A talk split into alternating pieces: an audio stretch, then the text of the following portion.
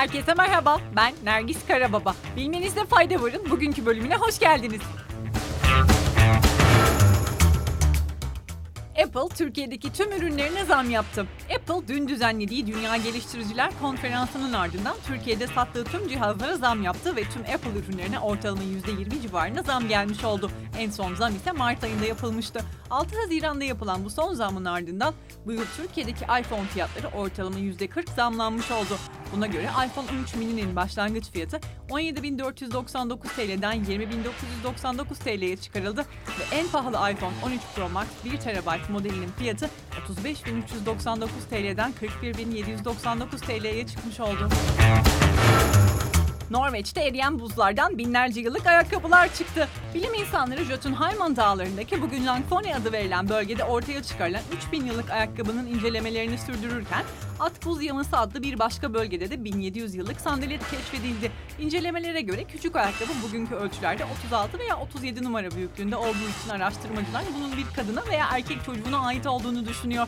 Bu ayakkabı aslında ilk olarak 2007 yılında ortaya çıkarılmıştı. Ancak eser üzerindeki incelemeler devam ediyor ve yeni bulgular gün yüzüne çıkmaya devam ediyor. Önceki haftalarda açıklanan bir başka keşfin konusu ise 1700 yıllık sandalet.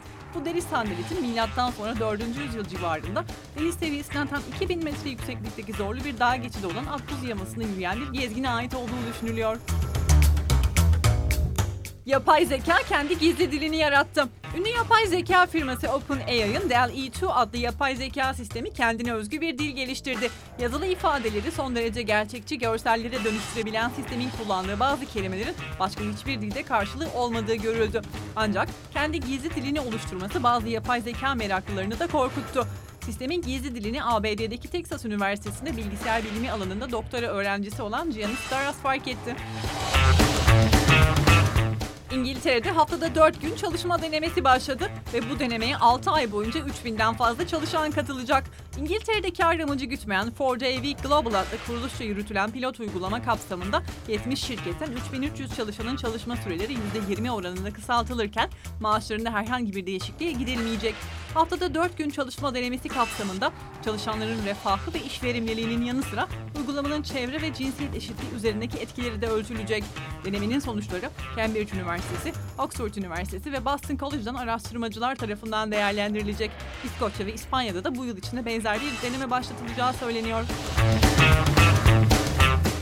Dünyadaki ilk ve en popüler Metaverse projelerinden olan ve 3.9 milyar dolarlık pazar hacmine ulaşan The Sandbox, Türkiye pazarına giriş yapıyor.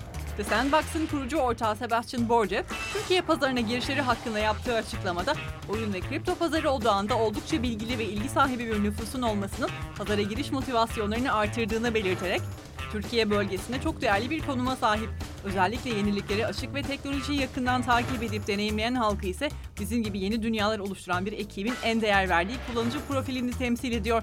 Ekip olarak Türkiye'ye ve Türk halkına özel Türkçe kullanılabilecek bir metaverse dünyası oluşturmak için kolları sıvamış durumdayız dedi.